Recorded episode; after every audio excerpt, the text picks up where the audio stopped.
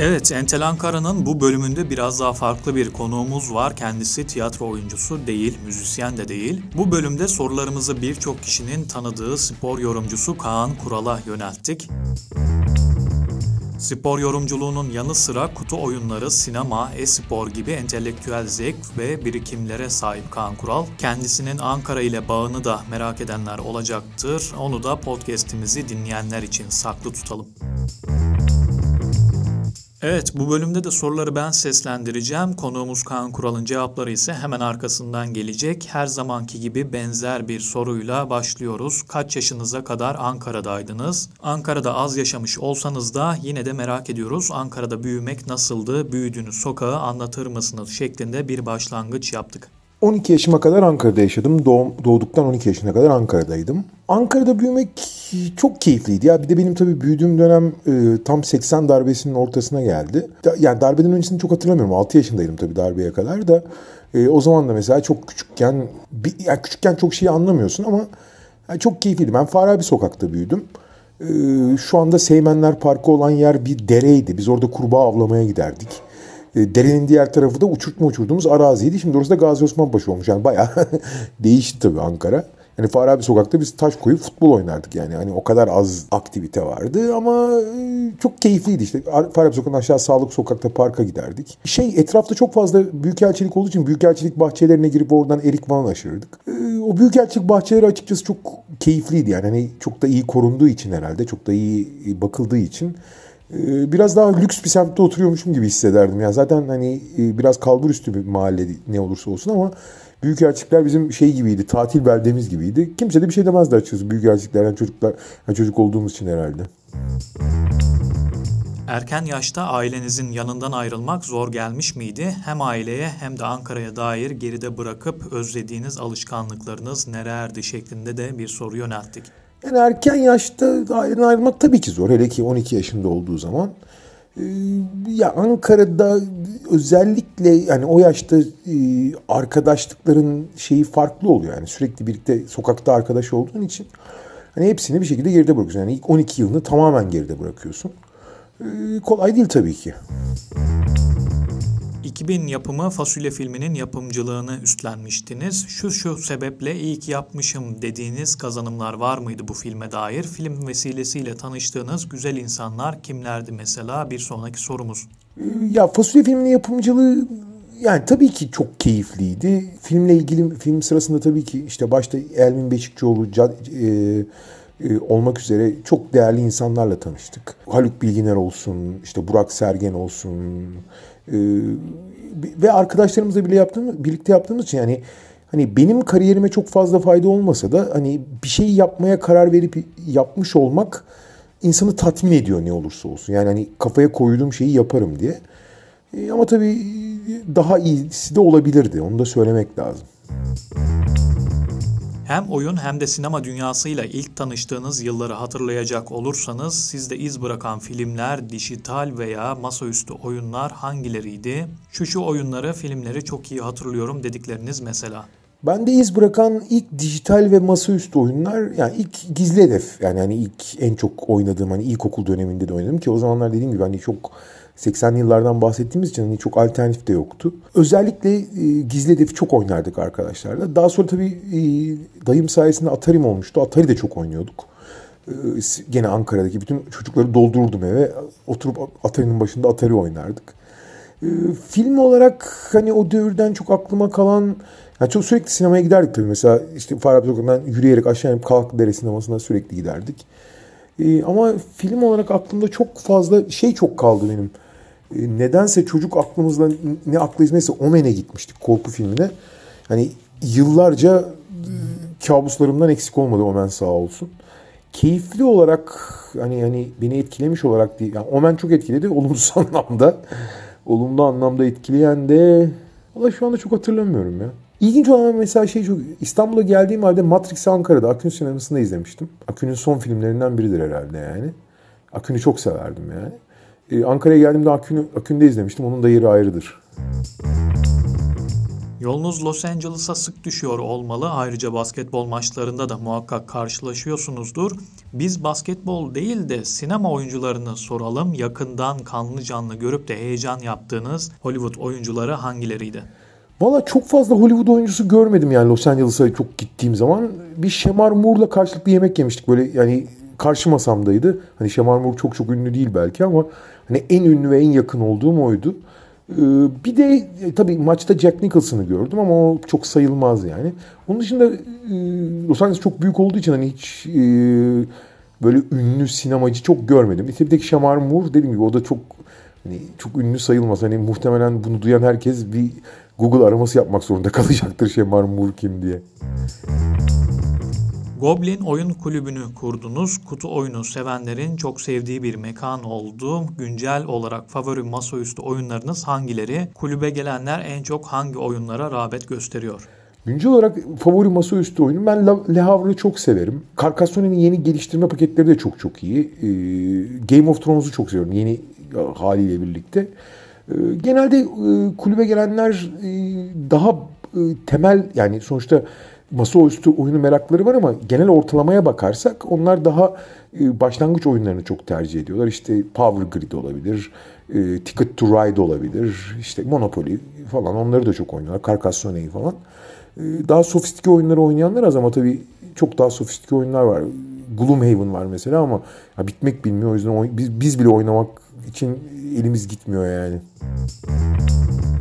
Sadece masaüstü oyunlarına değil aynı zamanda bilgisayar oyunlarıyla da içli dışlısınız. Oynarken aşırıya kaçtığınız, ne ara bu kadar zaman geçmiş dediğiniz zamanlar oluyor mu? Son zamanlarda en çok hangi oyunlarla meşgulsünüz? Ya bilgisayar, yani ben strateji oyunu çok severim. Ee, ve benim oynadığım oyunların hepsi ya ne zaman ne, ne ara bu kadar zaman geçmiş dedirtir ya. Mesela Europa Universalis 4 hani en sevdiğim oyundur. Hani bir oturduğun zaman hani kalktığında işte yarım saat bir saat oynayayım diye kalkarsın. Hani 3 saatten önce kalkmışlığım yoktur.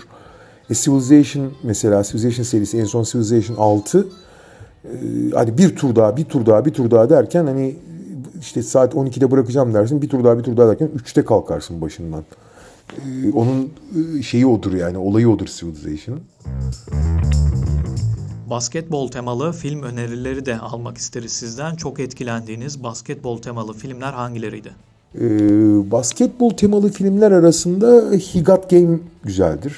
Ee, bence iyi de işlenmiş filmdir. Gayet de iyi oynamıştır. Coach Carter hiç fena değildir. Genel itibariyle o ikisini çok tavsiye edebilirim. Yani basketbol temalı çok çok üst düzey film yapılamıyor çünkü basketbol sahnesi çekmek çok kolay değil. Ee, ve Hoosiers tabii yani Hoosiers herhalde Hoosiers bir numara. Yani Coach Carter ve He Got Game diyebilirim. Bir zamanlar film yapımcılığı da yapmış olduğunuz için şöyle bir soru soralım istedik. Ülkemizin basketbol tarihine yönelik bir film, dizi veya belgesel yapmak isteseydiniz hangi yıllara, olaylara, başarı öykülerine yoğunlaşırdınız? Ee, Türkiye'de bir basketbolla yönelik bir, bir belgesel çekmek istesem ben Aydın Örs'ün göreve gelişini çekmek isterim. Yani e, ve oradaki değişimi. Çünkü Türkiye'de bir milat varsa basketbol adına o Aydın Örs'ün Efes'in başına geçmesidir. Yani şu açıdan sonuçta Aydın Örs bir sihirbaz değil ama bizim e, bir üst lige zihniyet olarak çıkmamızın en önemli e, ismidir. Yani 1993'te 92'de işte göreve gelene kadar yani Türkiye Avrupa'nın B ligindeydi. Yani işte Avrupa yani mesela şöyle bir örnek vereyim. 92 e, Şampiyon Kulüpler Kupası elemesinde Fenerbahçe Barcelona ile eşleşmişti. İlk maçı 9 sayıyla kaybedince zafer naraları atmıştık. Ne güzel, ne müthiş mücadele falan diye. İkinci maçı 45 ile kaybettik. Hani Avrupa Şampiyonası'nı bırakın Avrupa Şampiyonası elemesini challenge turlarında falan oynuyorduk. Yani şu anda basketbolda atıyorum Romanya neyse ondan fazla değildik yani. E, fakat bir günde yani bir günde olmadı tabii de gelir gelmez hani Avrupa'nın en üst düzey takımlarıyla oynayabileceğimizi oyuncularına anlattı. Daha bir sene sonra e, işte Kupa Galipleri Kupası'nda final oynadı. Efes ve ondan sonra da hani düzenli başarılar elde etti. Şampiyon işte o zamanki adıyla yani Euro işte Eurolig'in ilk haliyle, Şampiyonlar Ligi ile yani Şampiyon Kulüpler Kupası ile pardon. E, Avrupa şampiyonlarına arka arkaya gitmeye başladık. ya ben oradaki değişimi yani zihinsel olarak ya işte siz aynı oyuncuları nasıl daha üst seviye basketbola inandırdı, kanalize etti. onun belgeselini çok çekmek isterim. Çekilmesi gerektiğini düşünüyorum yani. 3 yazar, 3 yönetmen, 3 de müzisyen ismi istedik Kaan Kural'dan. Üç yazar, üç yönetmen, üç de müzisyen. Ee, yani müzisyen olarak yani müzik insanı diyeyim hani illa müzisyen deyince tabii besteci daha çok anlaşılıyor. Yani Ronnie James Dio e, ya benim için bir numaradır. Ve işte Dio'nun birlikte e, içinde olduğu her şeyi, Rainbow'u da sayarsınız, her şeyi sayarsınız. E, Dio, Guns N' Roses ve hadi Metallica diyeyim yani. E, yönetmen olarak Christopher Nolan, Denis Villeneuve ve Guy Ritchie diyeyim hadi. Denis Villeneuve ve Guy Ritchie. Yazar olarak Yuval Harari, Ernest Hemingway ve Carl Sagan. Yani Carl Sagan'ın zaten her zaman yeri ayrı. Basketbol takım ve oyuncularımızın uluslararası arenada çok önemli başarıları var. Buna rağmen kitle ilgisi, seyirci sayısı, maddi olanaklar bakımından hala futbolun çok çok daha gerisinde bir oyun basketbol. Bu farkı neye bağlıyorsunuz diye bir soru yönelttik konuğumuza. Toplumların spor türüne olan eğilimlerini hangi etkenler belirliyor sizce? Ya basketbol futbolun gerisinde bu biraz ta- tamamen ülkenin kültürü ve sporun kültürünün yerleşmesiyle alakalı. Yani bu sadece ülkemize bağlı bir şey değil ki. Yani daha başarılı olmak, daha fazla ilgi çekmeyi Evet başarı tabii ki ilgi çeker ama ilgi çekmeyi gerektirmez. Yani mesela Türkiye kadınlar voleybolunda da çok başarılı. Ee, yani takım spor olarak konuşuyorsak. Hani bireysel anlamda güreşte, halterde yıllarca başarılı ama hani spor izlemek bir keyif. Yani onun ıı, başarı da keyfin tek sebebi değil. Ee, o yüzden yani Türkiye bir futbol ülkesi ve futbol oynuyor. Mesela Hindistan'da da kriket dışında hiçbir spor ilgilerini çekmiyor ona bakarsak. Ee, veya işte Çin'de mesela basketbol çok ilgi çekiyor ki çok başarılı da değiller. Yani çok daha başarılı oldukları sporlara rağmen çok daha ilgi çek e, şey yapıyorlar yani ona ilgi gösteriyorlar. Ee, bu eğilimleri biraz e, zaman içinde bu kültürün yerleşmesiyle alakalı ve Biraz işte toplumsal olarak işte bağımsız, yani futbol çok bağımsız değişkenler sporu için o belirsizlik bazen çok daha çekici olabiliyor. Ee, ama sonuçta toplumun hani işte futbol zamanında Türkiye'de e, işgale karşı bir mücadelenin de bir parçası olduğu için o zamanlardan bir e, birebir çok ilişki ve bir temsiliyet kurulmuş. Sonra yıllar içinde o alışkanlıklar nesilden nesline aktarıldıkça kültür mesela futbolun kültürü oyunun kendi keyfinin çok üzerinde ki çoğu yerde de öyledir. Yani da, da, sırf futbol için değil bütün e, e, yerleşmiş sporlarda e, sporun kültürü e, izleme keyfinin önündedir çoğu zaman. Spor sektörünü kitleler besliyor ve kitleleri de şov dünyası çekiyor söyleminde bulunduk konuğumuza. NBA için konuşursak başarının sırrı şovun büyüklüğüne bağlıdır diyebilir miyiz? Ayrıca Amerika'nın şov dünyası Avrupa'nın neden çok çok daha önünde? Ee, ya NBA için başarının sırrı şovun büyüklüğüne bağlıdır diyebiliriz. Çünkü şovun büyüklüğü e, ekonomi yaratır. Ekonomi daha iyi şov yaratır. Amerika'nın Avrupa'nın çok önünde olmasının en büyük sebebi Amerikan şov dünyasının çok daha fazla ekonomi üretmesi. Amerikalıların e, spor seyirciliği Avrupalıların kat be kat önünde. Amerikalılara inanamazsınız Amerika'ya gittiğiniz zaman. Yani Avrupa'da da tamam spor seyircisi var ve işte şey ama Amerikalılar sporla yaşayıp sporla ölüyorlar. Yani en lüks restorandan fast foodçusuna kadar her yerde televizyonda sürekli spor karşılaşmaları açık. Yani mesela çok çok çok lüks bir restorana gittiğinde bile tepede televizyon basketbol maçı oynanıyor yani. Hani e, onlar ürün tüketimi mesela herkes lisanslı ürün oluyor. Deli gibi tüketiyorlar. Zaten tüketim toplum ama hani o kadar çok para harcayıp o kadar ilgi gösteriyorlar ki hani hakikaten bir Amerikalı taraftar 5 Avrupalı taraftara bedeldir yarattığı ekonomi açısından, yarattığı ilgi açısından. O yüzden çok önünde ve doğal olarak da şov, yani şova daha yatkın, eğlenceye daha yatkın onlar. Çok garip spor türleriyle karşılaştınız mı? Gördüğünüz en gariplikleşmiş, profesyonelleşmiş spor türleri nelerdi şeklinde bir soru yönelttik. Ee, gördüğüm en, yani tabii ki çok tuhaf spor türleri var ama Miami'ye gittiğimde bu hayalayı yakından görmüştüm. Zamanında e, işte Miami Vice dizisinden hatırladığım bir hayalay vardı. Bir hayalay maçına gittim. Yani bir ligi de var orada. Gerçi sadece belli bir bölgesinde oynanıyor Amerika'nın ama yani Hayalay'dan daha tuhaf e, spor işte Seprek Tavra var mesela onu görmedim hani Güneydoğu Asya'ya gitmedim ama herhalde Hayalay ile Seprek Tavra olsa gerek en hani e, belli oranda profesyonelleşmiş demek lazım. Tabii ki globalleşmemiş ama belli oranda profesyonelleşmiş en ilginç iki spor onlar. Taraftarlarıyla birlikte sizde büyük etki bırakan arena, stadyumlar hangileriydi? Valla taraftarıyla birlikte etki yaratan dediğiniz zaman o zaman tabii Avrupalılar Amerikalıların çok önüne geçiyor. Yani işte bir Pioneer'daki Sırp seyircisi, ne bileyim bir Oaxaca'daki Yunan seyircisi, bir Sinan Erdem'deki bir e, Ülker Arena'daki Türk seyircisi.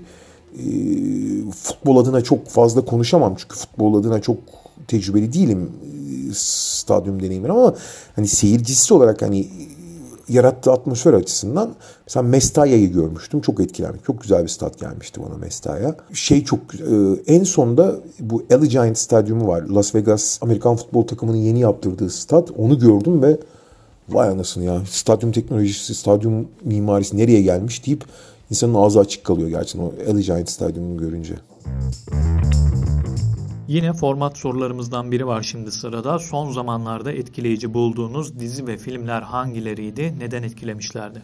Son zamanlarda etkileyici bulduğum dizi ve filmler e, son dönemde neyi çok... Raised by Wolves'u sevdim. Gerçi çok tuhaf yerlere gidiyor. Bir yere bağlayamayacaklar gibi. Hani göreceğiz ne olduğunu. E, şeyi çok sevdim. Mindhunter'ı sevdim açıkçası. O da biraz yarıda kaldı gibi. E, True Detective'i çok sevdim. O çok gerçekçi ve çok ayakları yere basan geldi bana. Ee, ben açıkçası biraz e, iyi hikaye kurgusu ve iyi karakter üzerine yönelmiş filmleri, e, dizileri çok seviyorum. Ee, o yüzden hani dizi olarak onları söylüyorum. Film olarak da tabii pandemi araya girdi insan çok e, aklına film olarak en son neleri sevdi, seyrettiğimi bile tam hatırlamıyorum ki. Inception'ı sevdim. Hani onun hakkını verelim. Inception'ı sevdim. Ee, Inception diyeyim ona da. Aynı soruyu kitaplar için soralım. Nedenleriyle birlikte sizde iz bırakan kitapları öğrenebilir miyiz?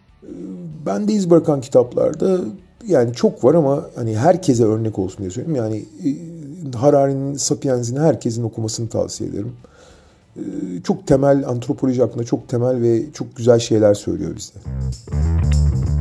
Ve her zamanki gibi kapanışı da şöyle yapıyoruz. Son sözleri tamamen size bırakıyoruz. Yaptıklarınıza, yapacaklarınıza, üretimlerinize dair neler söylemek istersiniz? Entel Ankara dinleyicilerine son tavsiyelerinizi, önerilerinizi, umut aşılayan aforizmalarınızı, tırnak içerisinde aforizmalarınızı dinliyoruz.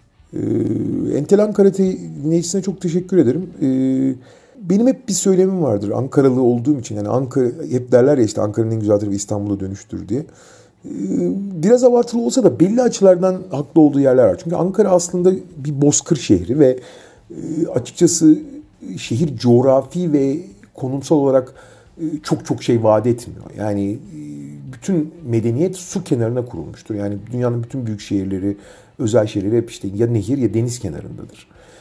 Tamamen karaya bağlı bir şehir olarak atıyorum zamanında Atatürk başkent olarak belirlemese muhtemelen çok büyük bir şehirde olmayacaktı Ankara. Yani bir doğal gelişim olmayacaktı. Ama e, bu yüzden ve çok büyüdüğü için şöyle bir e, durum oluştu bence. E, Ankara'da şehrin size verebildiği ya da coğrafyanın size verebildiği şeyler çok fazla olmuyor. Bunları insanlarla doldurmaya çalışıyor boşluğu Ankara ve ben her zaman Ankara'daki insan ilişkilerinin çok daha gerçek, çok daha sağlam, çok daha köklü ve çok daha dayanışmacı olduğunu inanırım. Ee, insanı Ankara'nın en güvenebileceğin ve açıkçası hani birbirine en çok dayanışan ve o yüzden de işte çok güvenebileceğin insandır. Ee, yani her zaman Ankaralı arkadaşlarımın yeri ayrı olmuştur. Yani şehrin veremediğini insanlar alır Ankaralı diyeyim. Kaan Kural'ı dinledik. Basketbolun yanı sıra birçok tırnak içerisinde entel alandan söz ettik. Birçok öneri aldık. Çok teşekkür ediyorum Entel Ankara'ya zaman ayırdığı için. Entel Ankara'yı Instagram'dan, Twitter'dan takip edebilirsiniz. Ayrıca haftalık olarak e-posta kutunuza düşen Ankara etkinliklerini özetlediğimiz Entel Bülten'e abone olmak isterseniz muhakkak Twitter profilimizi ziyaret edin. Bu haftada bu kadar diyelim. Haftaya görüşmek dileğiyle kendinize çok iyi bakın.